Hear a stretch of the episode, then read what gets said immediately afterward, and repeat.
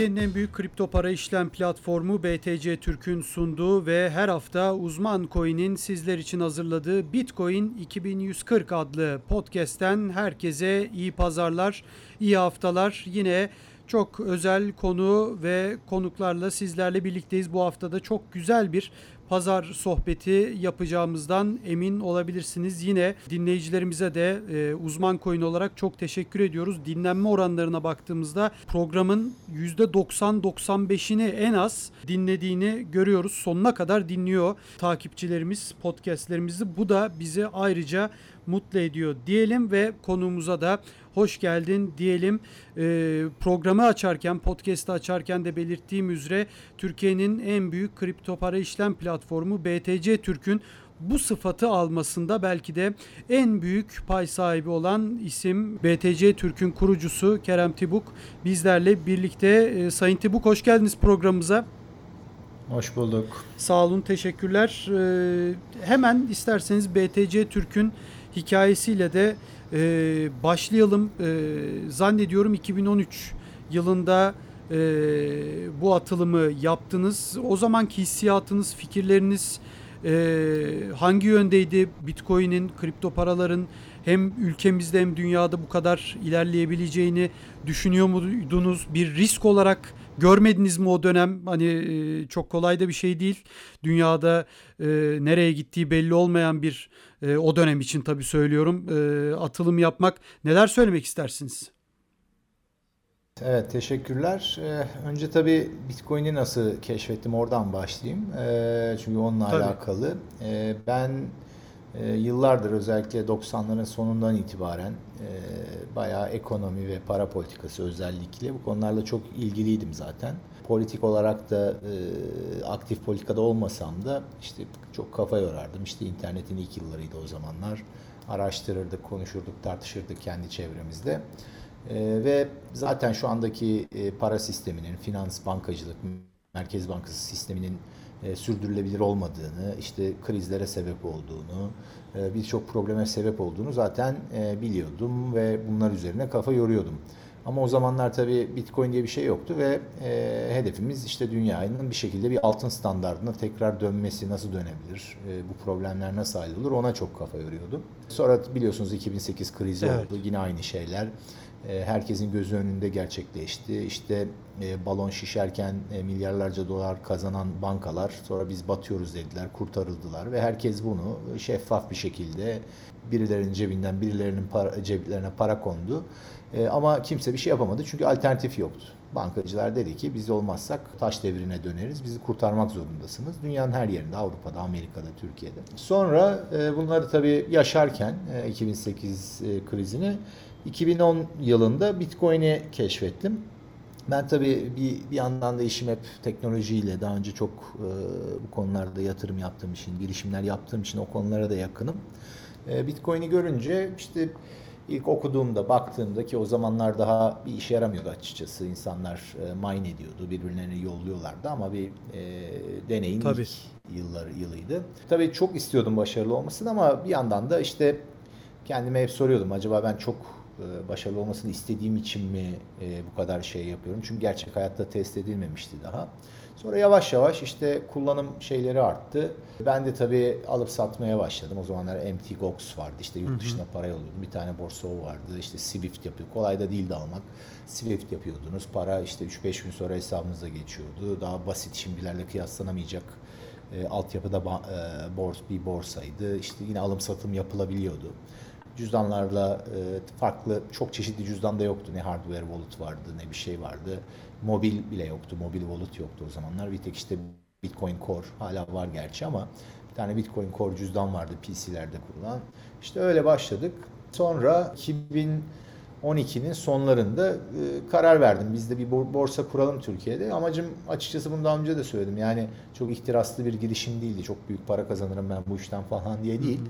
İşte Türkiye'de Bitcoin daha kolay alınıp satılsın. İnsanlar Bitcoin'i öğrendikten sonra bile işte yurt dışına para yollamak zorunda kalmasınlar. E, yerel bir borsa olsun diye. Dediğim gibi işte daha zaten yazılım, internet işleriyle de uğraştığım için elimde imkanlar da vardı. Böyle bir siteyi kurabilecek. E, tabii yolda da öğrendik bir sürü şeyi işte yani cüzdanlar nedir, nasıl çalışır, Kolay değil çünkü yani bir Tabii. exchange e, cüzdanıyla bir kişisel cüzdan arasında da çok büyük farklar var. İşte öyle başladık. Yolda e, ölçeklenme sorunları da yaşadık. İşte büyük bir hack yaşamadık Allah'tan tahtaya vuralım. Ama yani bir sürü e, sıkıntıları yolda görerek o günden e, bugüne bayağı bir değiştiğini, büyüdüğünü, geliştiğini söyleyebilirim. Yani şu anda BTC Türk bence dünya standartlarında bir borsa. En azından spot piyasada. Başka şeylere de girmiyoruz açıkçası. Çok muhafazakar baştan beri devam ediyoruz. Çünkü dediğim gibi ben bu işi başlarken her an yarın bu yasaklanır, kapatılabilir diye başladım açıkçası. Yani 2013'te kurduğumuzda 3 ay sonra e, yasaklansaydı, 2 sene sonra yasaklansaydı falan hiç şaşırmayacaktım. Ama e, şunu biliyordum, muhafazakar davranırsak, böyle birden insanları çok mağdur ede, edebilecek şeyler yaratmazsak işte bu kaldıraçlı işlemlerde Tabii. değişik e, saçma sapan coinlerde falan bunları ekleyip de çok insanın mağdur olmasına aracılık etmezsek en azından sağlıklı şansımızın daha büyük olacağını düşünüyordum. Yani devam etme, endüstrinin büyümesi, en azından yavaş yavaş saygınlığının artması bu endüstrinin. Şu anda da öyle. İlk başlarda da öyleydi. İlk hedefimiz endüstrinin, Bitcoin'in saygınlığını korumak. E, çünkü biliyorsunuz yani ilk başlardan beri işte kara para, terörizm, Bitcoin söylendiği anda hep Doğru. arkasına şeyler takılırdı. Bu algının değişmesi kolay değil. Sırf bizim elimizde de değil tabii ki ama e, en azından içinde bulunduğumuz coğrafyada, içinde bulunduğumuz piyasada e, mümkün olduğu kadar bu saygınlığı korumaya çalışmak önemli olduğunu düşünüyorum. Bunu yaptığımız için de aslında çok gurur duyuyorum. Yani ilk şirketin başarısı, ticari şeyler bunların bir tarafa en gurur duyduğum şey birincisi ilk bu borsayı açmış olmak Türkiye'de. İkincisi de Oradan buraya kadar bu saygınlığına piyasanın e, gölge düşürmeden buraya kadar getirebilmek açıkçası. Tabii yani e, o dönemden bu döneme baktığınızda tabii çok şey değişti. Türkiye'de de hani yasaklanmak bir yana ki o dönem veya şu anda bana da sorsanız bu işin içinde sizin kadar tabii ki olmayan biri olarak e, ben de herhalde yasaklanır derdim Türkiye'de veya dünyanın birçok ülkesinde. Ama o dönemden bu döneme siz yaşayan, işin içinde olan biri olarak gelişimin bu kadar hızlı olacağını tahmin eder miydiniz veya şu anda hızlı mı oluyor? Nasıl görüyorsunuz şu zamana, bu zamana baktığında ve gelecek adına öngörüler, öngörüleriniz nelerdir? Ee, Bitcoin e, dediğim gibi işte ilk baştan beri başarılı olmasını çok arzuluyordum evet. ama e, tabii ne kadar başarılı olacağı, ne kadar şey olacağı, e, hızlı olacağı ile ilgili öngörüde bulunmak zor. E, ama e, yani gün geçtikçe, yıllar geçtikçe, Bitcoin hayatta kaldıkça, bir sürü badireler atlattıkça e, sağlamlaşıyor tabii. Yani e, bunu adaptasyon sürecinde de görüyorsunuz. İlk seneler bir kumar gibiydi Bitcoin'e bulaşmak veya bu Bitcoin almak. Her geçen sene Lindy Effect diye bir e, şey vardır meşhur işte bir restorandan geliyor. Geçmişi ne kadar uzunsa bir o kadar da geleceği e, olma ihtimali artar bir şeyin. E, şimdi mesela e, Bitcoin 11 senelik bir geçmişi var. Şu anda çok daha sağlam. Şu anda yeni Bitcoin'e gidecek insanlar için. Yani mesela şöyle diyor, diyorlar ya işte zamanda 5 dolardı Bitcoin. 5 evet, dolarken evet. işte almak daha ama o zaman geleceği daha belirsizdi. Şimdi mesela 10 bin dolar ama şu anda geleceği o fiyata yansıyor işte ister istemez. İleride mesela şeyde de oluyor bu e, ayı piyasalarında, boğa piyasalarında da oluyor. Şimdi 3 bin dolara düştü Bitcoin 20 bin dolara gördükten Doğru. sonra. O, o dönemde alamayan insanlar 10 binken alacak. 10 binken alamayan insanlar 50 binden alacaklar. Bu şey değil yani ay e, kerizlik yaptık biz değil. Yani fiyat aslında e, bu işin güvenini de e, dağılmasını da besliyor bir yandan. İnsan doğası bu. Gelişmesini iyi görüyorum. Şu anda tabii zaten finansal dünya finansal e, yapısının bozuk olduğunu biliyordum. Daha da hızlanarak bozulmaya devam ediyor. Hepimiz görüyoruz. İşte bu pandemi sürecinde de bir nevi bahane oldu ki pandemi olmasa da bir finansal kriz bekliyordum ben. Çünkü 2008 krizinden sonra da bir balon şişirdiler. O balonun bir şekilde patlaması gerekiyor. Yani her e, Bitcoin'e çalışıyor aslında global finans piyasasında merkez bankaları işte bu e, politik e, şeyler piyasaları kurtarma operasyonu politik olarak bağlantılı sektörleri kurtarma operasyonları falan Bitcoin zaten e, çok kaliteli bir para. E, yani şimdiye kadar keşfedilmiş veya icat edilmiş bilmiyorum nasıl söylersiniz. En kaliteli para ve rakipleri de gittikçe kalitesizleşiyor. Dolayısıyla daha hızlanarak devam edeceğini düşünüyorum ama adaptasyon yine zaman alacaktır. Çünkü insanlarda bilgi asimetrisi var, ulaşım şeyi var. Herkes aynı anda her şey göremiyor. e, risk alma iştahı veya kabiliyeti açısından insanlar arasında fark var. Bugün daha çok erken hala Bitcoin için. Bitcoin'e yani bugün Bitcoin ile tanışıp giren insan ben çok erken girdim diyecek ileride. Fiyat da bunu doğrulayacak zaten. Ama işte bu dönemde daha ilk 10 senesinde, 11. senesinde Bitcoin'e giriş yapanlar bu adaptasyon sürecinden tabii doğal olarak o riskleri karşılığında e, kar edecekler. Çünkü ileride bu fiyatlara bulamayacaksınız Bitcoin'leri. Geçmişe şimdi nasıl geçmişe baktığımızda 10 dolar fiyatlar bize Tabii. şey geliyorsa işte 10 dolarmış diye. Şimdi ileride de 10 bin dolar böyle gelecek diye inanıyorum. E, ve önünde de her geçen gün bu inancım kuvvetleniyor e, dışarıdan duyduğum, gördüğüm şeylerle. Dünyanın her yerinde hem Bitcoin ekosistemi büyüyor hem de dediğim gibi diğer alternatif ona rakip olan e, legacy sistem dediğimiz bu geleneksel finans yapıları da kötüleşiyor. Dolayısıyla ben çok e, iyi görüyorum Bitcoin'in geleceğini. Tabii e, bu sektör bazında nasıl olur? Yine bir tekrar bir yasaklamalar bir şeyler gel, gelir mi gelmez mi değişik ülkelerde onu öngörmek zor ama Bitcoin açısından e, Bitcoin'in geleceğini çok parlak görüyorum ve bu güvenim artıyor açıkçası. Ülkelerin e, buna Türkiye'de dahil olabilir. Çin, Amerika Birleşik Devletleri, Güney Amerika ülkeleri Bitcoin aldığını düşünüyor musunuz? Çünkü bunun nasıl altın alıyorlar? Hepsinin tabii kayıtları Daha var. değil ama evet. olacak. Onun da öngörüm şu. E, küçük merkez bankaları, küçük ülkelerin küçük merkez bankaları almaya başlayacak ilk. Türkiye'den bile daha küçük ekonomi olanları düşünüyorum. Yani bir Fed'in, bir Avrupa Merkez Bankası'nın hatta bir Türkiye Merkez Bankası'nın bile e, şu anda yakın zamanda Bitcoin rezervi tutacağını düşünmüyorum. Çünkü bunlar alınacaksa merkez bankalarına alınacak. Kendi paralarını desteklemek için. Yoksa işte bilmem ne bakanlığı kendine bitcoin alayım demez. İlk etaptaki hedef zaten e, bireysel kullanımın e, ben zaten e, o işte büyük blok tartışmalarında olmuştu. Yani Bitcoin'in ben kahve almak için gündelik harcamalar için kullanılabileceğini çok yakın geçmişte gelecekte düşünmüyorum.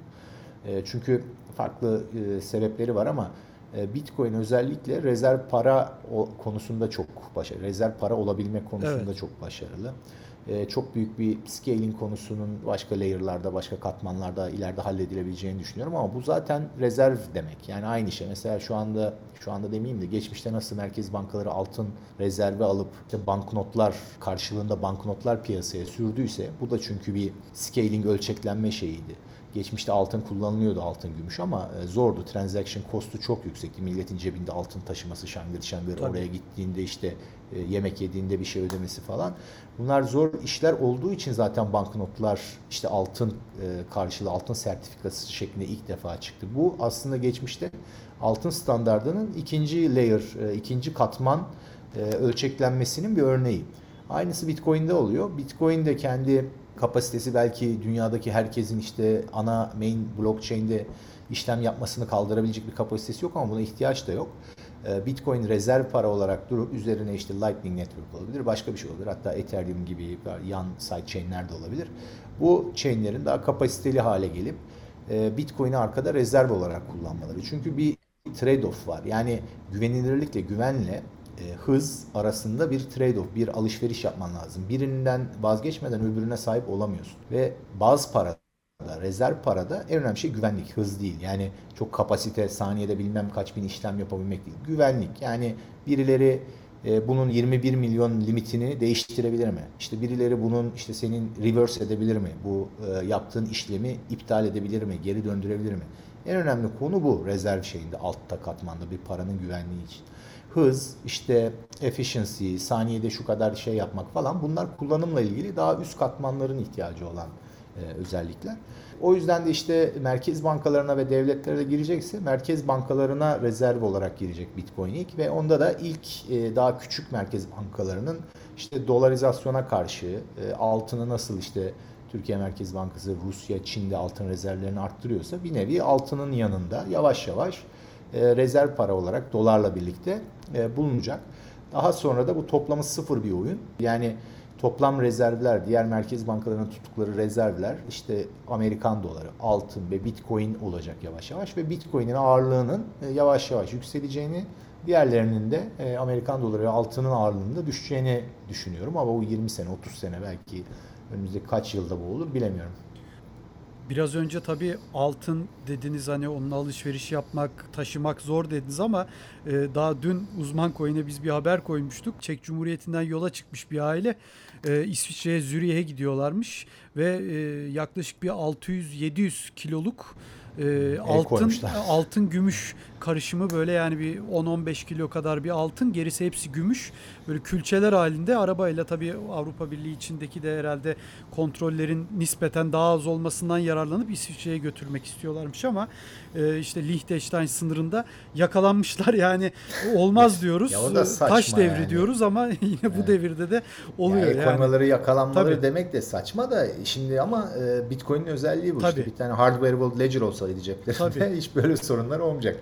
Hatta Tabii. ledger'a bile gerek yok. 24 tane CD ezberleyin kafanızda geçin. Yani Tabii. bunlar e, Bitcoin'in altına karşı işte en büyük avantajlarından biri bu. Biri hızlı transfer etmek coğrafyada, farklı coğrafyalarda. İkincisi de yanınızda taşıyabilmek, saklayabilmek. Şu anda e, şimdi biz bunu herkes için bu geçerli olmayabilir şu anda ama en zor el, el konulan varlık şu anda Bitcoin. Yani en kötü senaryoyu düşünün. Tabii. Yani sizin varlıklarınızın hepsine bir şekilde çok kolay şekilde el koyabilirler çeşitli sebeplerden. En zor el koyabilecekleri şey Bitcoin. Şu anda daha e, bu konuda rakibi yok Bitcoin'in. Ki likiditesi de artıyor. Likidite önemli tabii. Yani Bitcoin'inizi aldınız bir yere gittiniz bozdurabilecek misiniz? O bir işe yarayacak mı? E, Dünyanın her yerinde spot fiyatın 3 aşağı 5 yukarına e, likiditesi var artık Bitcoin'in. Altının bir avantajı buydu. Binlerce senelik para olduğu için bugün Afrika'ya da gitseniz, Tabii. Çin'e de gitseniz ama işte götüremiyorsunuz oraya. Problem o. Nasıl götüreceksiniz? E, ağırlığı şeyi. E, Bitcoin çok çok üstün bir para. E, ben yani e, hayret ediyorum. Hala 11 sene geçti. Bu kadar az insan e, bunu şey yapabiliyor, kıymetini biliyor. Onu da fiyattan anlıyoruz zaten. Yani bu fiyatlara Bitcoin alabilmek inanılmaz şans. Biraz önce aslında unuttum. Sözünüzü de kesmek istemedim. Sonra şunu soracaktım. E, MT Gox borsası demiştiniz. O çöktüğü Evet. zaman sizin de böyle giden yok olan Evet, bitcoinleriniz var. var. mıydı? Var var. Yazık olmuş o zaman. Evet. Yapacak bir şey. Hala bana Japonya'dan mailler geliyor. İflas bilmem nesi falan. Dedi, Japonca'da bir şeyler yazıyor. Bilmiyorum. O iflas şey devam ediyor. Aslında para da var ellerinde. İşin komiği Doğru. e, MT Gox battığında elinde olan Bitcoin miktarı Bitcoin olarak durduğu için şu anda aslında herkes karlı. Yani Tabii. ba- yani reel olarak batan bir şey yok. Doğru. O an için çünkü çok düşüktü fiyatı. Kaç? Bin dolar falan da herhalde. 1300 dolar. Ya o zirve ilk yaptığı büyük zirveden sonra çökmüştü galiba. 1300, 1200 o civarlarda şey olmuştu. Ee, şimdi e, yani %90'ı gitse bile yine cover edebiliyor ellerindeki Bitcoin'ler 10 katına çıktığı Tabii. için. Tabii en çok konuşulan konulardan biri belki birincisi de fiyat. Yani Bitcoin'in ne kadar iyi yönleri olsa da fiyat çok konuşuluyor. Ee, ve en büyük reklamı da herhalde fiyat yapıyor. Düştüğünde de evet. çıktığı zaman da Ee, 20 bin dolar olduktan sonra tabii biraz önce de söylediğiniz gibi ciddi düşüş geldi. Sonra bir daha çıktı bir daha düştü ama 20 bin dolar seviyesine bir daha Bitcoin hiç gelemedi. Zaten söylediklerinizden siz oraya yine ulaşıp geçeceğini düşünüyorsunuz ama bu şekilde çok ciddi hayal kırıklığına uğrayan insanlar da var. Yani uzun süre bir kere çıktı 20 bin dolar ondan sonra darmadağın olduk diyen insanlar da var ama özellikle Türk lirası karşılığında da hep Bitcoin herhalde nasıl diyelim e, geçti karşıladı. Yani hem Evet. geçti hem o zararları. Ama TL'nin değer kaybetmesi. Tabii doğru. Doğru ama yani altcoin'lerde bu hiç olmadı mesela. Altcoin'lerde Evet. batan tırnak içinde tam battı Çıkamadı yani daha, çıkamadı. evet. Öyle çok ciddi mağduriyetler de var ama Bitcoin hep o anlamda herhalde insanların gelecek adına umutlarını da bugün dolara bakıyorsunuz evet Türk lirası hala geriye gidiyor dolar karşısında ama e, yani Bitcoin'i olanlar hep o zenginliğini koruma statüsünde kalıyor sanki. Evet evet. Yani Bitcoin çok farklı. Ben Evet. aynı şeyi cümlede diğer coinlerle geçirmek bile yani artık yani mecburuz tabii şey oluyor. İşte bizim BTC Türk'te de var bazı coinler ama e, istiyor insanlar yapacak bir şey yok ama ben her zaman söylüyorum Bitcoin e, çok farklı bir şey. Tabii. Bugün işte e, takip ediyorsunuzdur bu Microsystems'ın Evet. e, yeniden aldılar işte toplam 400 küsür milyon dolarlık şirketlerine Bitcoin aldılar. Orada e, adını unuttum şimdi CEO'sunun açıklaması var ki kendisi 4-5 sene önceye kadar Bitcoin hakkında bayağı negatif şeyleri olan açıklamaları olan bir adammış. Ya alıştık ya bu, bu tür 180 derecelik dönüşlere açıkçası. Ee, orada şey işte en son açıklamasında dikkatimi çekti. Çok önemli bir şeye e, parmak basıyor. Bitcoin'in e, gücüyle ilgili. e, 2017'de yaşanan o e, scaling savaşları işte ölçeklenme, blok büyütme savaşları ve Bitcoin Cash'in işte sonra forklanması falan sonrasında diyor ki yani bu hard fork e, her coin için olabilecek bir şey ama Bitcoin o şeyden öyle bir community'siyle işte öyle bir savunuldu ki toplu yani Bitcoin'ciler tarafından. Evet. O çünkü bir o iş bir corporate takeover dediğimiz işte şirketlerin Bitcoin'i ele geçirme mücadelesiydi aslında. Yani o zaman palazlanmış büyük işte madenciler Bitmain'di, BitPay'di, işte ilk daha büyümüş ilk şirketler ve ilk e, paralı Bitcoin içindeki insanların işte biz oturduk New York'ta bir anlaşma yaptık böyle olacak falan. Yani kontrolünü Bitcoin'in ele geçirme e, şeyiydi benim gözümde ve Bitcoin'e bir saldırıydı. Ama Bitcoin onu çok güzel e, savundu ve savuşturdu ve çok güçlü çıktı ve şu anda da o geçmiş badireler aslında Bitcoin'in gücüne güç katıyor. Yani bunların hepsinin hatta şeyden başlayarak işte ilk Silk Road'un e, FBI tarafından kapatılması, Mt. Gox'un batması, Evet. sonra işte Çin'in bir ara Rusya'nın işte yasaklama şeyleri, ondan sonra bu e, scaling war dediğimiz işte hard fork'a şey yapan bunların hepsi Bitcoin o an için felaket olaylarıydı. O gün o anda yaşıyorsanız. Şimdi buradan geriye doğru bakınca e, o olayların aslında Bitcoin'i sadece güçlendirdiğini, işte bu çünkü badire atlatmadan bir Doğru. şey güçlenemiyor. Doğru. E, onu görüyoruz. Şu anda mesela yani bu az buz bir şey değil. Bir şirketin, e, halka açık bir şirketin 1-2 milyar dolar piyasa değeri olan bir şirket kendine 425 milyon dolarlık bitcoin alıyor. Şirket rezervi olarak tutuyorum diyor. Yani bu kişinin, bir şahsın işte toplam varlığının %3'ünü, 5'ini bitcoin'e şey yapması değil. Bu çok önemli bir şey ve bunu yaparken de Adam açık açık sebeplerini söylüyor. Diyor ki biz bu bu bu sebeplerden tabii şeylerden de bahsediyor. İşte biz parayı ne yapacağız ki? Dolara koysak faiz alamıyoruz. Eriyor. İşte habire para basıyorlar falan filan. Onları da anlatıyor tabii. Bitcoin'e sınırlı sayıda olması ama şeylerden de bahsediyor. Yani bu geçirdiği badirelerden, atlattığı e, şeylerden ve bunu Bitcoin'in nasıl güçlendirdiğinden bahsediyor. O yüzden marka değeri, güvenliği, işte desentralize yapısı, işte coinleri takip edenlerin hepsi biliyor. Hepsinin neredeyse bir şirket gibi, Ethereum'da dahil. Bir iki tane başında adamlar var. Onlar Tabii. karar veriyor Tabii. her şeye. Yani Bitcoin'de böyle bir şey yok. Denendi olmasına Bitcoin bunu savuşturdu, savundu ve çok daha güçlü çıktı. Bugün o e, Bitcoin'e en büyük değer veren şey. E, ve e, fiyat konusuna gelince de bu şimdi daha iyi anlaşılıyor tabii zaman geçtikçe geçmişe bak bakınca. Ben de çünkü ilk yıllarında e, farkında değildim. Çünkü geçmiş datalar yoktu bu kadar. Bitcoin'in 4 senelik döngüleri var. Ve bu 4 senelik döngülerde halving ile işte ödül yarılamasıyla alakalı artık bunu da görebiliyoruz. Ve bu bu döngülerde de işte geçtiğimiz iki döngü oldu. Bu üçüncü döngünün başındayız. İşte ilk döngü ilk yarılanmayla başladı. Zirveyi işte MT Gox'un da kapanmasına denk gelen 2013 e, sonuna denk geldi. İkinci döngü 2016'daki yarılamayla 2017'nin sonuna sonunda zirveyi gördü. Ben şimdi 2021'in de benzer olacağını düşünüyorum mesela. Şimdi halving'i yaşadık 3-4 ay evvel Mayıs'ta. 2021 başında da sağlam bir boğa piyasasının başlayacağını, bu 2021'in sonuna kadar yani 2017'yi hatırlayanlar 2021'de de benzer bir şey olabileceğini şey bekleyebilirler. Benim öngörüm bu. Tabii e, fiyatlara sıfırlar eklenecek. Bir sıfır eklenecek en azından. Bu döngüler böyle. Ve mesela Bitcoin'de bir önemli şey daha var. Her döngünün dibiyle en tepesi bir sonraki döngüde ikisi de daha yukarıda. Yani 1300'e çıktıktan sonra işte 20 küsür dolarlardan 1300 dolara çıktı. Sonra 170-180 dolara düştü. Ee, sonra 20 bin dolara çıktı. Sonra 3200 dolara düştü. Yani e, 170 ile 3200'ü de kıyaslamak lazım. Sadece 1300 ile e, 20 bini değil. Şimdi, e, şimdi taban yaptığı yer 3200. E, buradan e, güç ala. Mesela Bitcoin bana ne zaman başı belada diye sorsanız ben derim ki 170 doların altına düşerse. Bir önceki döngünün dibinin de altına. Çünkü bu daha önce olmamış. Hep bu traderlar, bu döngü takip edenler bunu çok iyi bilirler. Böyle bir şey yok dünyada. Yani bu kadar her zaman e, çok iniş çıkışlar da olsa, çok böyle çok sert düşüşler de olsa o döngülerde hiçbir zaman için bir evvelki döngünün dibini altına inmiyor. Şimdi onu soracaktım aslında. Hani şu eleştiri de hep yapılıyor bu konulardan bahsedenlere. Hani geçmişte öyle oldu diye gelecekte de aynı oranlar işte yükselecek ya da düşecek ya Ya bu tabii, olmak tabii. zorunda mı? Tarih tekerrürden ibaret değildir eleştirisi de yapılıyor hani klasik sözün Olabilir. dışında. O, onda haklılık payı var. Tabii ki garanti değil ama geçmiş data çoğaldıkça ve e, bir şeyi destekledikçe güveniniz artıyor doğal olarak. Yani benim güvenim de arttı. İlk iki döngünün içindeyken mesela ben de 2017'de e, işte daha önce bu döngüyü fark etseydim ben de 20 binde tap yapacağını, oradan 20 bin civarında oradan çakılacağını falan öngörebilirdim.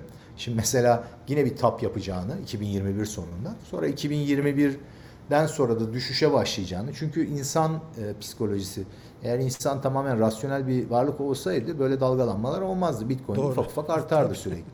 Doğru. Ne oluyor? İnsanlar işte FOMO diye bir şey var. Fear of missing out. Evet. Böyle fiyatlar çok hızlı olunca irrasyonel bir şekilde millet saldırmaya başlıyor. Şimdi e, benim fair value işte olması gereken bence 100 bin dolar e, Bitcoin'in önümüzdeki döngü sonunda. Ama 100 bini geçecek, açacak. 100 bin doları gördükten sonra overshoot edecek. Daha da çıkacak. Bu sefer kar satış gelmeye başlıyor. Kar satışı gelince panik satış gelmiyor. Bu sefer de Tabii, fazla satıyorlar tabii. aşağıya düşüyor. Yani bu piyasaların bir irrasyonel şeyi var. Belki bu biraz yumuşar. Yani e, eskiden taptan %81'den aşağıya düşebiliyordu. Belki bu aşağıya düşüşler ve yukarı çıkışlar yumuşayabilir. Yani tarih belki birebir tekerrür etmez. Ama e, bu trend, e, yukarı doğru trend kesin devam edecek de bu dalgalanmaların boyu belki şey olabilir. Yani 20 bine çıkıp birden 3 bin dolara 200 bin Tabii. dolara çıkıp 30 bin dolara düşmez belki. Belki 150 bin dolara çıkıp atıyorum e, 80 bin dolara düşer. Daha yumuşak bir şey olabilir. O yüzden yani birebir aynısı olacak diye bir şey yok tarihte tabii. Tüm bu işte FOMO dediğimiz e, ya da düşerken e, ki o korku dediğimiz psikolojilerde acaba hani günümüzün nasıl diyelim teknolojik devrimlerinden biri olan cep telefonunun etkisine inanıyor musunuz? Yani nasıl biz sabah kalktığımızda Twitter'a bakıyoruz, Instagram'a bakıyoruz. Yani e, geleneksel borsaların dışında insanlar elindeyken işte isterseniz 10 bin, isterseniz sadece 100 dolar olsun, isterseniz 100 bin dolar olsun. Yani sadece elinizdeki telefondaki bir iki tuşa basarak bu işlemleri yapabilmek de acaba bu psikolojileri tetikliyor mu sizce? Muhakkak tetikliyordur. Ayrıca bütün Bitcoin borsaları 7-24 açık. Tabii. Yani böyle bir şey de yok. Mesela işte her borsa mesela hafta sonu savaş çıktı. Hisse senediniz var. Pazartesi sabahını bekleyeceksiniz. Doğru. Yani satabilmek için Doğru. herkes hücum ediyor. İşte bir de şey yok. e, Circuit breaker yok borsalarda bizde. Şeyler de var işte çok düştün mü taban taban hani kapatıyorlar borsaları aman panik oldu diye. O yüzden mesela Bitcoin borsaları çok daha serbest e, çalışıyor. Onun da etkisi olabilir. Ama bu da sağlıklı bence. E, tabii psikoloji yönetmek çok zor. Yani kazanırken de kaybederken de ben de bunu yaşıyorum. Nispeten daha az olsa da kendimi ama başkalarının yerine koyabiliyorum. Yani bir anda böyle hele bu şeyin dalganın içinde bulursanız kendinizi yani yükseliş dalgasının 2017'de mesela yaşayanlar yaşamıştır. 2021'de yine yaşanacak belki. E, bunun psikolojisiyle hem kazanırken hem düşerken baş etmek zor. E, herkes için değil. O yüzden ben mesela herkese fiyata bakmadan işte dollar cost averaging dediğim o işte e, fix bir TL fiyat veya dolar fiyat kafanızda gücünüz neye yetiyorsa her ayın belli bir günü Tabii. ufak ufak herkese almasını tavsiye ediyorum. Trade biz trade'den para kazanıyoruz ama açıkçası e, her zaman insanlara trade yapmayın. Eğer Bitcoin yani trader değilseniz, e, işiniz bu değilse, işiniz buysa işte FX'de yapabilirsiniz, MTA'da alıp satabilirsiniz, borsada alıp satabilirsiniz. Bunu da yapabilirsiniz. Ama siz e, Bitcoin'in geleceğine inanıyorsanız, işte para birimi olabilecek, ileride rezerv para olabilecek, geleceğine inanıyorsanız alıp tutun, alıp tutun ufak ufak. Fiyata bakmayın. Psikolojinizi daha rahat Gece rahat manage uyuyun. edebilirsiniz. Evet yani bunu tavsiye ediyorum herkese ama tabii tavsiye etmek başka, yaşayabilmek başka. Zorluklarını da biliyorum. Benim de arkadaşlarım var. Çünkü ben biz de, bizzat anekdot olarak bir sürü arkadaşım, hiç işleri bu olmayan arkadaşlarım birden ellerine aplikasyonda alınca sabah akşam sürekli kendilerini tutamadıklarını da biliyorum açıkçası. Her zaman aksini söylesem de işte böyle. Yapacak bir şey yok. İnsan doğası biraz. Dediğiniz gibi insan doğası ve bu insan doğasının en çok bize yansıdığı yerlerden biri de DeFi, merkeziyetsiz finans. Son dönemde son bir, bir buçuk ayda özellikle inanılmaz paralar dönüyor. İnanılmaz paralar ortaya sanki gökten inmiş gibi konulabiliyor. Bu sabah yani biraz önce bahsettiğiniz psikolojiyi ben de yaşadım. Yani sizin gibi aynen sizin gibi düşünüyorum. Her ayda küçük küçük gücüm yettiğince atmaya çalışıyorum kenara ama yani bu sabah mesela Uniswap'ı görünce Binance'te öyle böyle insan ya alayım mı %900 ama alayım diye ittiriyor seni. Yani o Maalesef psikolojiyi yaşıyorsunuz ama size şunu soracağım. DeFi ile ilgili fikirleriniz nedir? Saçmalık diyen var, çok gerekli diyen var. Ee, hep uçlarda görüyorum yorumları çünkü. Benim kısaca söyleyeceğim saçmalık hatta Evet. Ponzi'nin bir cinsi. Ee, sebebi şu. Şimdi DeFi, Decentralized Finance Evet. demek biliyorsun onu kısaltılmış. Finance, finans ne demek bir kere onu anlamak lazım. Bazı insanlar bir şeyler üretmek e, isterler ürün veya hizmet ama elinde yeteri kaynak yoktur. Bazı insanlarda da birikmiş tasarruf vardır, kaynak vardır. Çeşitli şekilde işte bu borç faiz olabilir veya ortaklık şeklinde olabilir. Atıl kaynakların e, üretim yapmak isteyen insanlara insanlar tarafından kullanılmasıdır finans. Şimdi size biri geldiğinde bir şey finansla ilgili bir şey söylediğinde getirisini, metirisini, onu bunu tekniğini bir kere unutup önce soracağınız soru şu olmalı. Bu para neyi finanse edecek? Hangi üretimi, neyi finanse etmek için sen para istiyorsun? Bırak şimdi bana getirisini, işte bilmem nesini, ben şu kadar verdim, bana ayda şu kadar para kazanacak, şöyle ihtimaller falan. Yani bu sonunda benim verdiğim kaynak neyi finanse edecek? Benim elimde birikmiş bir para var. Ethereum, başka bir şey neyse. Ben bu sana bu kaynağı birikmiş tasarruf ettiğim kaynağı verdiğimde sen bunda ne yapacaksın, ne değer üreteceksin ki bana getiri verebileceksin. Yani sonuçta bana bir ödeme yapacaksın. Bunun sana bir maliyeti var. Tabii. Diyorsun ki bana işte şu kadar vereceğim, bu kadar vereceğim.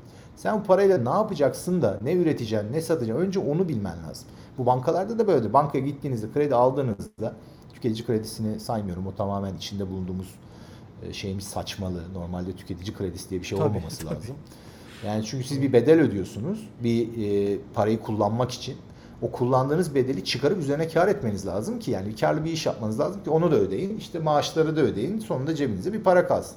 E, bu DeFi'da da işte smart kontratlar falan bu tamamen Ponzi'ye dönüştü. İşte dediğin gibi insanların iştahını öyle bir kabartıyorlar ki e, bu garip garip hareketlerle ve olan şu e, bu kaldıraçlı işlemlerde de oluyordu daha önce.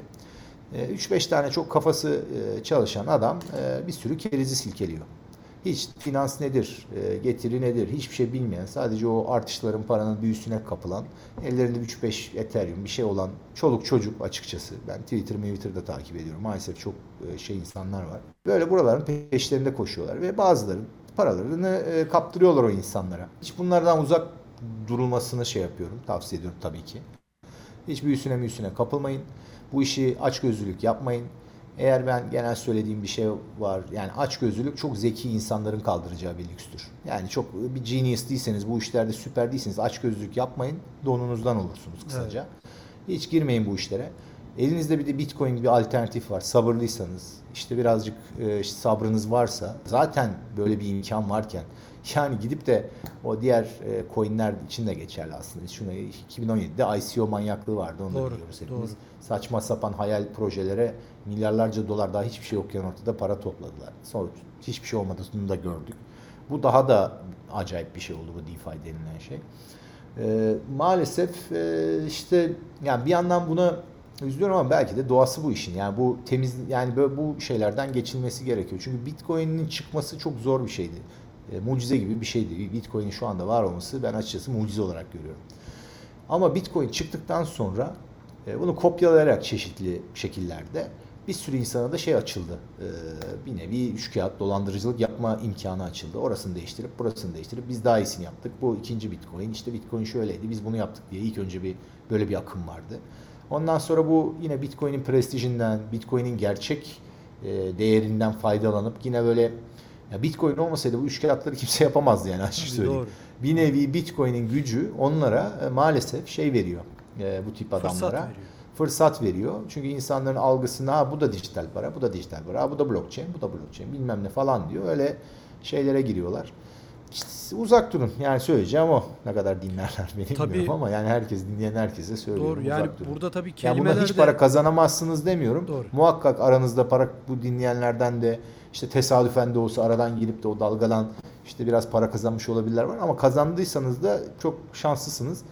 Ee, devam ederseniz e, bir şey kalmaz elinizde. Yani tabii burada aslında e, Türkiye'de bir hani çiftlik bank tecrübesi de yaşadık hepimiz. Yani kelimeler de aslında onun gibi olunca hani e, yield yani farming artık, hani verim çiftçiliği oradan hani sanki ya gerçekten bir şeyler ekiyorsunuz yani o kadar üç evet. yok taco, sushi bilmem ne yani artık isim bulamıyorsa oradan anlayın yani her çıkaran isim bulamıyor artık o kadar üç kağıt olduğunu oradan anlasınlar.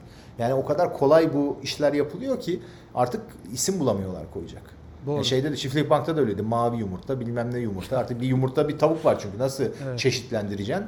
Böyle böyle uydurma şeylerle ya yani komik bir yandan biraz trajikomik aslında yani Tabii. biraz üzüntülü biraz Şimdi komik. e, DeFi deyince e, hani bir iki tane kripto parayı da ben e, özellikle YouTube'dan dinleyip yani şunu da söyleyeyim buyurun, pardon buyurun. E, finans derken şu anda e, legitimate yani gerçek kullanımlı olan borç, kripto borç vermenin tek bir kullanım alanı var. O da shortlamak için. Bu da e, şimdi mesela e, siz diyorsunuz ki Bitcoin'in fiyatı e, şimdi Bitcoin e, borç alınıp verilebilir. Ethereum borç alınıp verilebilir. Evet. Belli bir faiz karşılığı. Şimdi e, yield farming'miş, yok smart contract'miş, DeFi falan değil ama yani normalde legitimate bir kullanım alanı var. O da shortlamak için. Mesela ben Ethereum'un çok çıktığını düşünüyorum. E, daha düşeceğini düşünüyorum. Sizde de Ethereum var. Ben size belli bir faiz karşılığı o Ethereum'u sizden Ethereum bazında borç alarak o Ethereum'u piyasadan satıp düştükten sonra daha alttan Ethereum alıp size para Ethereum Evet. olarak paranızı faiziyle geri verip karımı alabilirim. Bunda bir gariplik, kötü bir taraf yok. Bu normal. Bu olabilir. Ama e, dikkat edeceksin. İşte neyi finanse? İlk başta söyledim ya bu neyi finanse etmek için bunu kullanacaksın.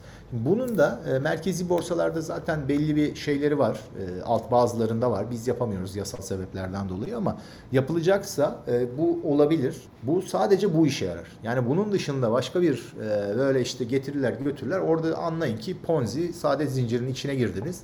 Şanslıysanız erken çıkıp paranızı kurtarırsanız, şanslıysanız elinizde coinlerle patlarsınız. Yani buna dikkat etmek lazım. İşte bu DeFi konusunda birkaç coin'i de ben hani YouTube'dan inceleme fırsatım oldu. Hani hep Bitcoin'e bu sefer de şöyle bir karşı çıkma durumu olmaya başladı DeFi e, alanında diyeyim oradaki insanlar tarafından. Hani Bitcoin'in bu e, nasıl diyeyim arzının kısıtlı olmasının bir aslında dezavantaj olduğu bu sefer de konuşulmaya başladı. Hani bu, bu zamana kadar hep e, iyi dendi. İşte arzı kısıtlı dolayısıyla hani kopyalanamıyor artmıyor enflasyonu yok denirken şimdi de bu tür krizlerde şu anda içinde bulunduğumuz krizde de aslında paranın elastik olması gerektiği gerekli gerekli zamanda arzının kısılıp gerekli zamanda arttırılabilmesinin doğru olan makbul olan şey olduğu söylenmeye başladı. Ben çok şaşırmıştım açıkçası. Bir ekonomist olmadığım için de çok fazla bir yorum da yapamıyorum ama bu duruma nasıl bakıyorsunuz? Yani bir dezavantaj olma ihtimali gelecek açısından olabilir mi? Bitcoin'in 20 bin milyon kısıtlı sayıda Yok. olmasının. Ki öyle bir şey tabii ki e, do, yani o bir saçmalık E, ama zaten şimdi şöyle bir şey var. Eskiden bunun işte teorik tartışmalarını Bitcoin öncesi çok yapardık. Evet. Yani işte millet derdi ki işte ekonominin büyümesi için para arzının artması lazım. Yoksa ekonomi büyümez. İşte değeri sürekli artan bir parayı kimse harcamaz falan filan böyle konuşurduk bunlar teoride. Şimdi Bitcoin çıktıktan sonra zaten şu andaki Bitcoin öncesi e, bütün para sistemi bu anlatılan üzerine kurulu. Yani birileri oturuyorlar işte Fed'de, Merkez, Avrupa Merkez Bankası'nda, falanca Merkez Bankası'nda uzmanlar. İşte e, geçmiş ekonomik istatistiklere bakıyorlar. İşte falan işte tarım dışı istihdam şu olmuş, yok bilmem ne şu olmuş, e, sanayi üretimi bu olmuş. Ona göre kafalarına göre işte e, merkezi planlama yapıyorlar. İşte Sovyet, sosyalizmin bir para versiyonu. Çok e, şeyler. Bu zaten var. Yani bunun Evet. DeFi ile, MiFi ile böyle coinlerle yapılmasına gerek yok. Bu zaten var olan sistem bu. Zaten Ethereum'un falan şeyi de ilk baştan o Vitalik'in e, tweetlerinden falan anlıyorsunuz. Zaten şöyle bir şey oldu Bitcoin'de. Şimdi Bitcoin'i e, ilk çıkaran ve destekleyen insanların çoğu özellikle Satoshi Nakamoto e, polymath dediğimiz birçok konuda uzman bir insan. Yani ekonomi nedir, para nedir, kriptografi nedir, blockchain nedir bunların hepsinden anlayan bir adamdı. Zaten başka türlü Bitcoin ortaya çıkamazdı. Şimdi sonradan gelen e, çocuklar, yazılımcı çocuklar paranın ne olduğunu bilmiyorlar. Eski sistemleri bilmiyorlar. Fed nedir bilmiyorlar. Ethereum'un kurmak istediği şey zaten 1913'te yapıldı. Fed, Federal Reserve System şu anda Ethereum'un kurmak istediği şey. Bu yapıldı, Doğru, tabii. denendi, e, başa açtı, belalar görüldü. Bunlar bunlar ama ne ekonomi tarihini biliyorlar. Ne para nedir biliyorlar. Bunları bilmedikleri için işte yazılımla oynayan çocuk bunlar. Yani ellerine almışlar. Bir onu da Bitcoin sağladı maalesef demin dediğim gibi. Yeniden yapılmış şeyleri yeni yeni yeniden yeniden sadece işte blockchain bilmem ne terminolojileri aynı şeyleri yapmaya çalışıyorlar. Halbuki geçmişi bilseler, anlasalar Federal Reserve'in ne olduğunu. Federal Reserve aslında ilk decentralized finance şeyidir. Yani yapı odur. Federal Reserve'ün işte alt şeyleri vardır. St. Louis Fed, Atlanta Fed. Yani mesela Federal Reserve bizim Merkez Bankası gibi bir merkez bankası değildir. Bankaların kooperatifidir. Bankalar kurmuşlardır. Kendi aralarındaki settlement'ları rahatlatmak için ve lender of last resort şeklinde kullanabilmek için. Sonra devlet daha kontrolünü ele aldı ama ya zaten Federal Reserve kuruluşu bildiğin bankaların kendi işlemlerini işte piyasada kredi hacmini rahat batmadan arttırabilmek için kurdukları bir sistemdi. Tabii o zaman telgrafla falan yapıyorlardı bu Doğru. işi ama sistem aynı. Altında yatan şey aynıydı. Şimdi geldik yine başa döndük. Aynı şeyleri yine E, ben artık böyle teorik tartışmalara falan e, güzel Bitcoin ile ilgili en sevdiğim şey de o. Teorik tartışmalara hiç gerek yok. Yaşayıp göreceğiz. Ben Bitcoin'e inanıyorum. E, Bitcoin'in geleceği olduğunu düşünüyorum. Sebeplerini işte anlattım. Ben böyle düşünüyorum. Geçmişte olan ekonomiyle ilgili bilgi, bilgilerim, e, para teorisiyle ilgili bildiklerim bana bunu söylüyor. Aksini iddia eden varsa başka yollara girebilir. E, istediklerini yapsınlar. E, eninde sonunda göreceğiz yani. En azından gerçek hayatta bir nevi test ediyoruz. Oturup da burada tartışıp işte milletle Twitter'da orada burada tartışmaya da gerek yok. E, işte aslında şöyledir, aslında böyledir. Çünkü bu zaten çok kapsamlı bir konu. Saatlerce konuşmam lazım ki benim yani en azından insanın kafasında bir fikir olsun. Tabii. Çünkü ben burada işte 10 dakika konuştuğum zaman bazı konseptlerden bahsedeceğim. O konseptlerin altı dolu. İşte bunların hepsini ekonomi gerçekten anlaması, algılaması çok zor bir bilim. E, birçok birçok e, noktası var. Para da öyle. O yüzden yani çok zordur bunları tartışmak. Yorulursun. Artık girmiyorum o tartışmalara. Bakıp göreceğiz diyoruz. İşte bakalım ne olacağını. Kerem Bey hemen şunu da sorayım. Ee, ben aslında e, Bitcoin'i genel manada tartıştığımız bütün konuklarıma, e, konuklarımıza ben bu soruyu soruyorum.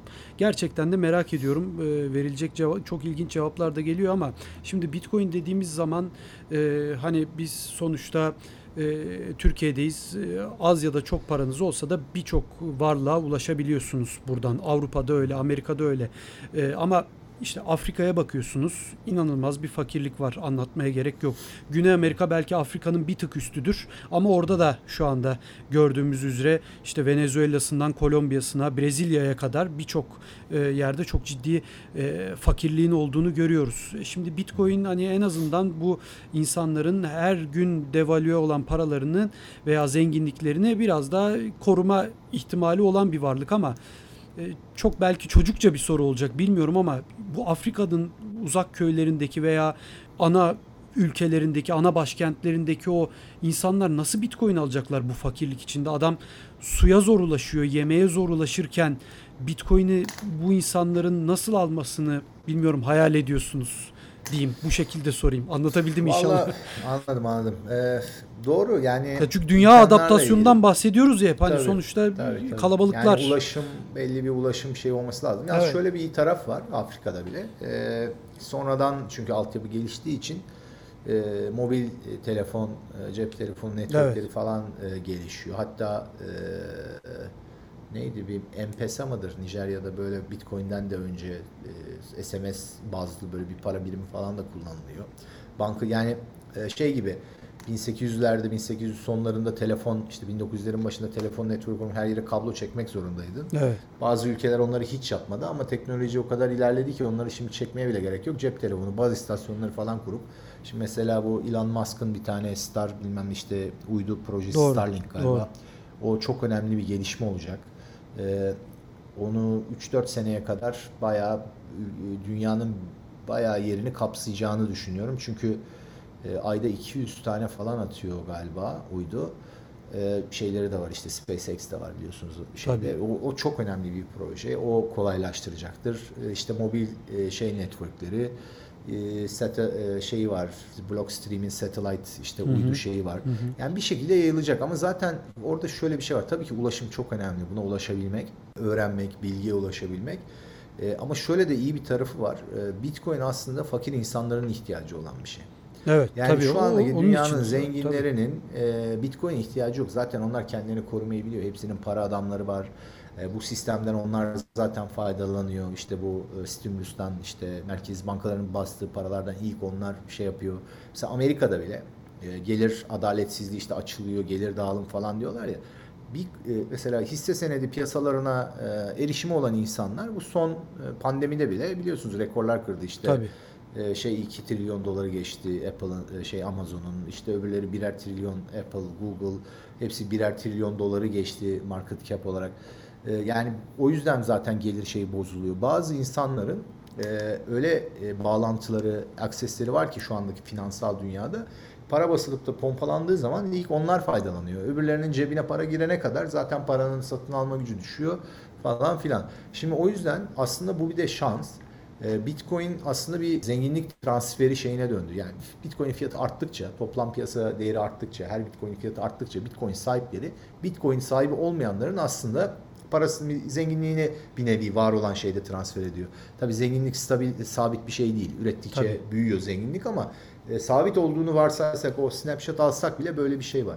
Şimdi e, böyle bir şans var. Normal finans piyasalarına bağlantısı olmayan, kenarda kalmış ama elinde 3 kuruş, 5 kuruş parası olan insanların kendini koruması, işte satın alma güçlerini koruması için böyle bir e, araç var. Bu da büyük bir şans bir taraf. Ben mesela özellikle şimdi içinde bulunduğumuz dönemde e, şimdi herkes diyor ki paramı var alalım. Yani tabii ki herkesin yani zaten çok paranız varsa Bitcoin almayın. Yani Doğru. başka bin tane alınacağınız şey var. Yani daha fazla da para ihtiyacınız yok. Asıl çok az paranız varsa e, Bitcoin biriktirmek zorundasınız ve önümüzdeki 3-3,5 ayda yani 2021'in başına kadar ben herkese neden kısabiliyorsanız kısın tasarruf edin ve tasarrufunuzun çok büyük bir kısmını da Bitcoin'de değerlendirin diyorum. Çünkü asıl siz, e, varlığınız azsa, geliriniz azsa ihtiyacınız var. Tabii psikolojinizi de hazırlayarak bu e, mesela Türkiye'de yine en azından böyle bir piyasalar var, borsalar var, işte bankalardan aksesler var. Zor bir şey değil, aplikasyonlar Değil var. tabii çok kolay. Kolaylaştı artık. Ee, Bizde de kolaylaştı. Yani 2013'ten de 2015'ten de daha kolay. Tabii. Ben herkese yani çok da ittirmek istemiyorum gerçi ama yani e, daha bu şey de öyle. Ben başından beri işte sürekli sürekli herkese Bitcoin al, Bitcoin al.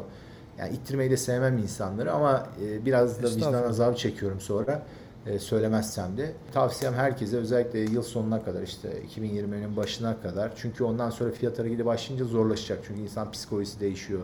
Elinize para geçse bile ya çok çıktı biraz bekleyin falan diyorsun. Pıtır pıtır devam ediyor gitmeye. Yani alamıyorsun. Bu şeye gireceğimizi düşünüyorum. Tabii %100 bu yatırım tavsiyesi değildir diye ekleyeyim ama yani benim tavsiyem bu. Evet. Ee, ne yapayım yani bunu da çok böyle profesyonel işte bunu alırsanız zengin olursunuz demiyorum. Sadece kendinizi korumak için bu. Yani bir çukurdaysanız hafif çukurdan çıkabilmek için, satın almanızı, gücünüzü korumak için. Yani öyle bir gecede zengin olacağım falan filan gibi değil düşünmeyin. Ama e, böyle şanslar yani e, her zaman gelmiyor insanın ayağına. E, ben arkadaşlarımın, çevrem. Ya, yani sonuçta ben yıllardır anlatıyorum. Tabii çok azı dinleyip beni aldı. Onlara da bir şey demiyorum. Çünkü risk şeyi farklı her insanın. Ama e, dediğim gibi yani bu son ayların 2000 yıl sonuna kadar bir daha bulunamayacağını düşünüyorum. Tabii Kerem Bey hani bunu söylerken ben mesela bir spor gazetesinde de çalışıyorum şu anda. Orada birçok tabii genç arkadaşımız da var. Onlarla da sürekli konuşuyoruz. Ben de hani benzer konuşmaları yaptığımız zaman yani hep hani abi bitcoin mi alacağız diyorlar. E peki diyorum mesela yani ev alabiliyor musun şu anda? Alamıyorsun. Araba almaya kalksan zaten ev fiyatı. Daha dün akşam konuştuk arkadaşlarla işte e, oyun konsollarının değil mi yeni modeli çıktı. Ne kadar fiyatı olduğunu hepimiz gördük ki Türkiye fiyatı onun euro dolar karşılığının da çok daha üstünde bir fiyat. Yani e, bunları alamayacaksın. Elinde duracak. Elinde durduğu zaman da o banka hesabında o maaşın durduğu zaman her geçen gün eriyor. Hani zaten siz hani söylüyorsunuz en azından kıs diyorsunuz ama insanların zaten herhalde e, şu anda başka çaresi de yokmuş gibi gözüküyor. Yani şu an yani ne kadar zor olursa olsun tasarruf etmesi lazım insanın. Tabii. Çünkü gerçekten önümüzdeki günler iyi değil. ya bir cep telefonu Onu almaya söyleyeyim. kalkın şu anda o 10 bin lira işte 7 bin lira 5 bin lira en kötü bu çok çok yüksek fiyat bunlar. Şimdi hayatta kalmak için ihtiyacınız olan en temel e, harcamalarınızı düşünün. İşte barınak, e, karnınızı doyurmak. Tabii. İşte bunlar bunların üstündeki her şey aslında e, nasıl söyleyeyim bir lüks. Şimdi bisikletiniz varsa e, yürümekten lüks. Toplu taşımaya biniyorsanız bisikletten lüks. Arabanız varsa toplu taşımadan lüks ama dereceler bunlar. Tabii ki daha çok paranız olursa daha çok lükse ulaşabiliyorsunuz. Çok zenginseniz özel jetiniz, yatınız, bilmem neniz oluyor. Şimdi e, tasarruf e, her zaman da şimdi bu içinde bulunduğumuz ortamda tasarruf etmek şöyle zor. Çünkü sistem öyle kurulmuş ki herkesi tüketime zorluyor. Faizler yerde negatif. Tabii. Tasarruf etsen ne yapacağım parayı paran eriyor. Sana bol bol her şeyde kredi veriyorlar. Onu al diyorlar. Eskiden her bir şey almak için para biriktirdin. Şimdi Tabii. her şey taksitle. Tatile gidiyor adam krediyle. Yani bu şeyden bir kere bu kafa yapısından çıkıp ta- şimdi tasarruf etmek ama neye yapayım dediğinizde de işte elinizde imkan var.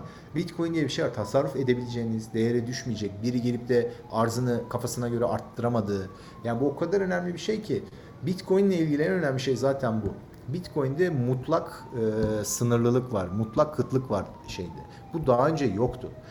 Daha önce her şey altın dahil. Altın da çok kıt bir varlıktır. O yüzden e, çok e, yıllarca para olarak kullanılıyor. Altın bile görece kıt. Tabii. Yani bugün altının onsu 3000 dolar olsa üretimi artacak. Bugün Bitcoin 1 milyon dolar olsa kimse çıkıp da biz daha fazla üretelim çok artmış diyemiyor. Bu o kadar önemli bir şey ki bu Bitcoin ile ilgili en önemli şey. Yani kimse sizin daha fazla üret çünkü ürettiğiniz zaman parayı var olan parayı tutanların e, satın alma gücünü aktarmış oluyorsunuz kendinize yeni üreterek. Bunu şu anda merkez bankaları yapıyor. Bankalara aktarıyor. Bankalar ilk işte büyük firmalara connected işte bağlantılı firmalara aktarıyor. Sürekli para cebinde para tutan ve o para biriminden fix faizle paraya yatıran işte emeklinin, maaşın hepsini satın alma gücünü kendine aktarıyor. Sizin buradan çıkışınız için bir altın bir alternatif. Yine altını da tavsiye ediyorum. Daha geleneksel. Altını da biriktirebilirsiniz. Ne kadar 3 gram, 5 gram ne kadar yetiyorsa. Ama Bitcoin'in daha avantajlı olduğunu düşünüyorum. Bir tasarruf edin. Ne olursa olsun geliriniz tasarruf edebilirsiniz. Edin sigaradan, içkiden, eğlenceden. Çünkü bu günler birazcık ta, yani ekstra şey dönemden geçiyoruz. Bundan 3-5 sene evvel olsaydı biraz daha şey konuşurdum ama pandemiydi işte krizde, ekonomiydi gittiğimiz yeri yani zaten herkes görüyor ne olduğunu. Çok ekstra dönemlerden geçiyoruz. Bu dönemlerde daha çok tasarruf etmek gerekiyor. Ve bu tasarrufunuzu da birinin bir anda üretimini arttırıp da sizin şeyiniz elinizdekinin değerini düşüremeyeceği şeylere yapmanız lazım. O da sınırlı sayıda olan şeylerdir. O da işte nedir? E, altındır, bitcoin'dir. Aslında e, gayrimenkul falan da aynı zamanda ama gayrimenkul çok likit değildir. Yani zor zorda kalıp satmak zorunda kalırsanız çok zarar edersiniz.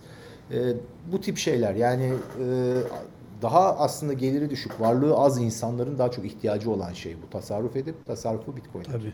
E, altın e, demişken, değerli metaller demişken dijital altın, dijital gümüş gibi varlıklar için ne düşünüyorsunuz?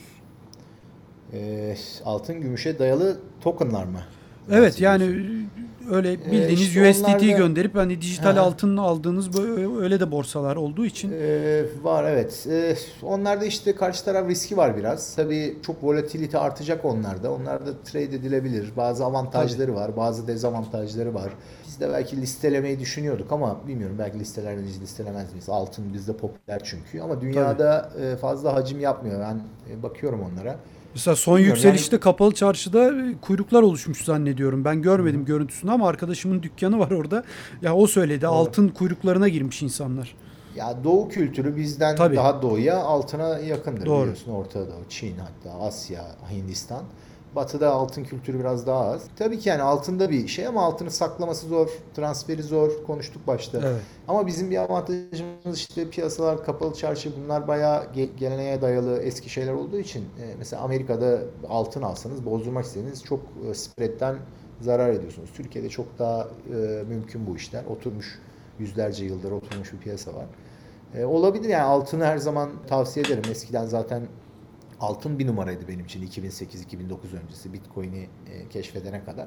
Şimdi ama tabii Bitcoin'in çok daha büyük avantajları var konuştuk başta ama yine de daha geleneksel, daha risk yani Bitcoin'i çok riskli görüyorsanız yani bir şey tasarruf edin altın veya bitcoin e, biraz altın biraz bitcoin yani herkese tavsiyem bu. Yani geleneksel kültür ve teknoloji birleşip de hani BTC Türk'te bir dijital altın görme ihtimalimiz olabilir mi belki? Ee, biz onun saklamasını falan yani kendimiz evet. çıkarmayız büyük ihtimalle de e, başka çıkarılan e, güvenilir bir şey daha böyle likiditesi artan e, var olan Tether gibi evet. bir şey listeleyebiliriz belki ama onda işte redeem yani o token'ı verip altına alma işi zor olacak. E, var aslında çıkanlar işte İsviçre'de biz tutuyoruz diyor. İsviçre'de gelirseniz token karşılığı altınınızı geri alabilirsiniz gibi şeyler ama Hı. kim yapacak onu? Yani realistik bir şey değil. O yüzden bir nevi derivatif bir şey olacak. Altın karşılığı işte borsada da var altına dayalı ETF. İşte e, bankalarda altın mevduatları var. E, bunların hepsine yalnız şunu bilmek lazım. Karşı taraf riski var hepsinde. Şimdi Bitcoin'in özelliği o. Kendi başına e, dijital varlık. Tabii. Yani Bitcoin'de siz cüzdanınız kendi cüzdanınızdaysa BTC Türk'teki değil. BTC Türk'te de karşı taraf riski var. Yani biz biz tutuyoruz o e, coin'i sonuçta. Ben herkese de tavsiye ediyorum. Çekin kendinize. Yani e, bu imkan varken niye kolayınıza alışkanlık, kolaya gelme, işte ben öğrenmek için zaman harcamayayım, saklamak için falan gibi kolaya kaçmayın. Kendiniz saklayın. Yani bu imkanınız varken bunu değerlendirin. Çünkü Bitcoin kendi cüzdanınızdaki Bitcoin ekranda bir rakamdan ibaret değil. Bankayı açtığınızda, bir yatırım kurumunu açtığınızda gördüğünüz rakam bir rakamdan ibaret sadece. Karşı taraf riski var her zaman için. O firma batabilir, başka bir şey olabilir. O rakam bir anda sıfır olabilir. Veya işte transfer etmek isterseniz izin vermezler. Yani e, bunlar o kadar farklı ki Bitcoin farklı bir yerde ki bazen insan e, tam şey yapamıyor algılayamıyor farkını ve şeylerini ama Bitcoin'in zaten en büyük özelliği o. Kendinizi çektiğiniz zaman, kendiniz sakladığınız zaman istediğinizde dünyanın herhangi birine Arjantin'e, Venezuela'ya, Zimbabwe'ye, Çin'e yollayabilirsiniz. Kimseye sormadan, kimsenin haberi olmadan. Yani bu öyle bir özgürlük ki e, buna ihtiyacınız olduğunda yani bunun kıymetini anladığınızda çok geç olabilir. Şimdi normal hayatta bunun kıymetini kimse Tabii. anlamıyor. Çünkü basıyorsunuz buradan para gidiyor işte bilmem ne bankasından bilmem ne bankasına. Falanca e-para şeyinden falanca e-parasına. İşte mesele bunun kıymetini anladığınızda yani o ortama geldiğiniz zaman işte o zaman çok geç oluyor. Evet. Ee, son olarak şimdi saklama, borsa, cüzdan demişken onu da sorayım. Ee, Özgür Bey'i de konuk etmiştik geçtiğimiz haftalarda. Ona da sormuştum aynı soruyu. Şimdi dediğiniz gibi insanlar artık çok detayların içine gömülmek ve yani tembelleştik hepimiz aslında. Teknoloji bize biraz da bunu getirdi. Yani arabayı park ederken bile artık hani kendi kendine park ediyor. Geri kamerası var. Hani boynunuzu bile çevirmiyorsunuz tabii kötü bir örnekmiş gibi verdim ama iyi bir şey aslında. Boyun fıtığı açısından olan çok var çünkü rahatsızlığı olan ama şunu soracağım.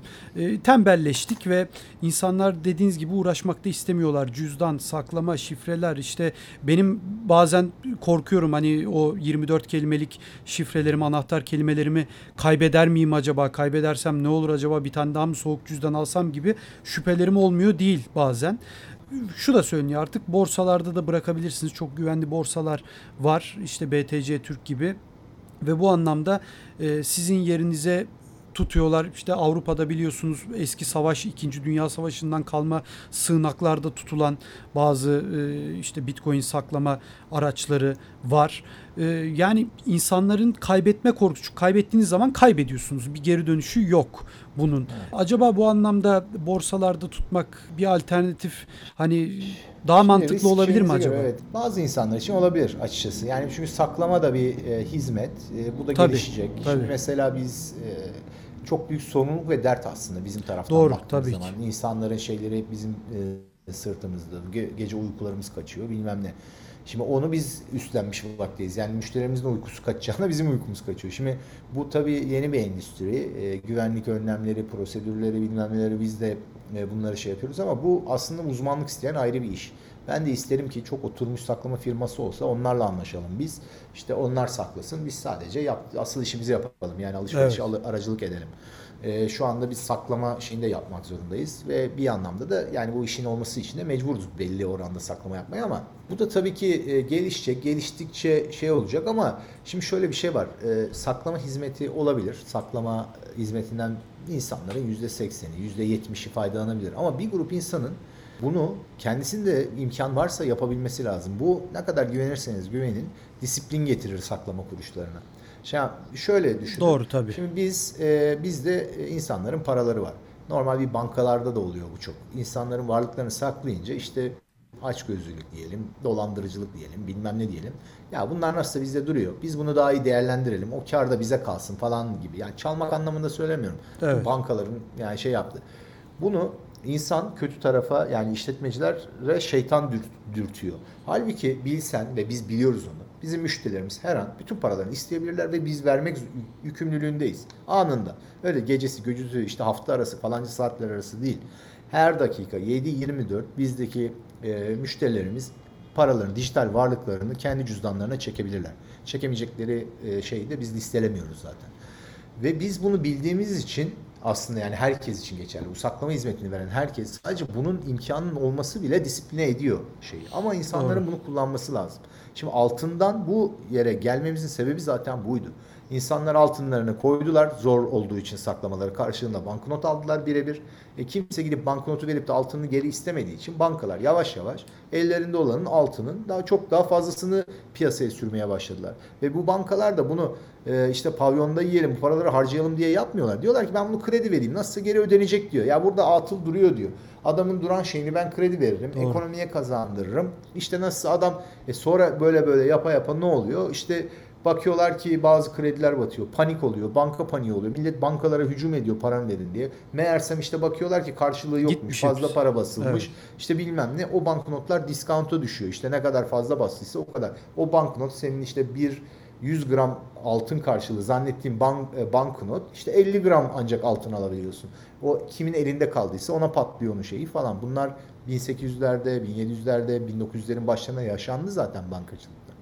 Doğru. Ama altının Doğru. zaten e, saklaması, transferi çok zor olduğu için mecburen bu yöne doğru itildi. Bitcoin'de böyle bir dert yok. Yani transferi çok kolay, saklaması çok kolay.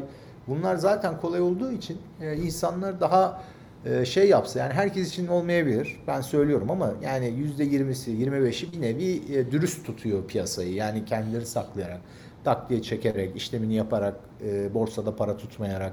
E, bu da önemli bir şey. Daha fazla insan olursa daha iyi olur ama e, özgürlük sorumluluk e, gerektirir. Yani tabii, bunu e, tabii bu ki. özgürlüğü istiyorsanız öğreneceksiniz, kendinize eğiteceksiniz, kafanızı biraz yoracaksınız kendiniz saklama konusunda. Farklı senaryoları düşüneceksiniz. Her şeyi böyle başkasına devrederseniz ondan sonra da yani o riski de alıyorsunuz karşı taraf riskini alıyorsunuz demektir. O riskin gerçekleşme olasılığı da birdir, üçtür, beştir. Yani belli olmaz ne zaman ne olacağı.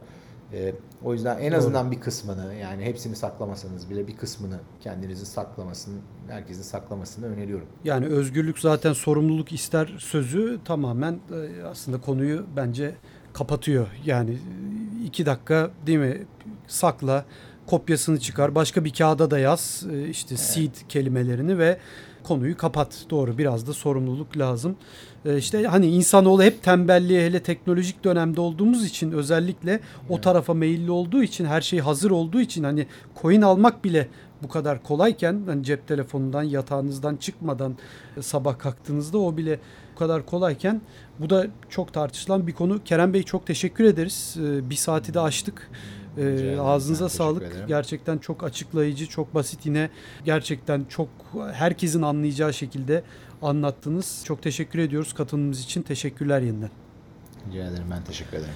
Evet programımızı e, kapatabiliriz. Bu haftaki konuğumuz e, Türkiye'nin en büyük kripto para işlem platformu BTC Türk'ün kurucusu Kerem Tibuktu ve BTC Türk'ün sunduğu uzman coin'inde her hafta sizler için hazırladığı Bitcoin 2140 adlı podcast'imizin bu haftada sonuna geldik. Gelecek hafta pazar günü yeniden buluşmak dileğiyle herkese iyi haftalar.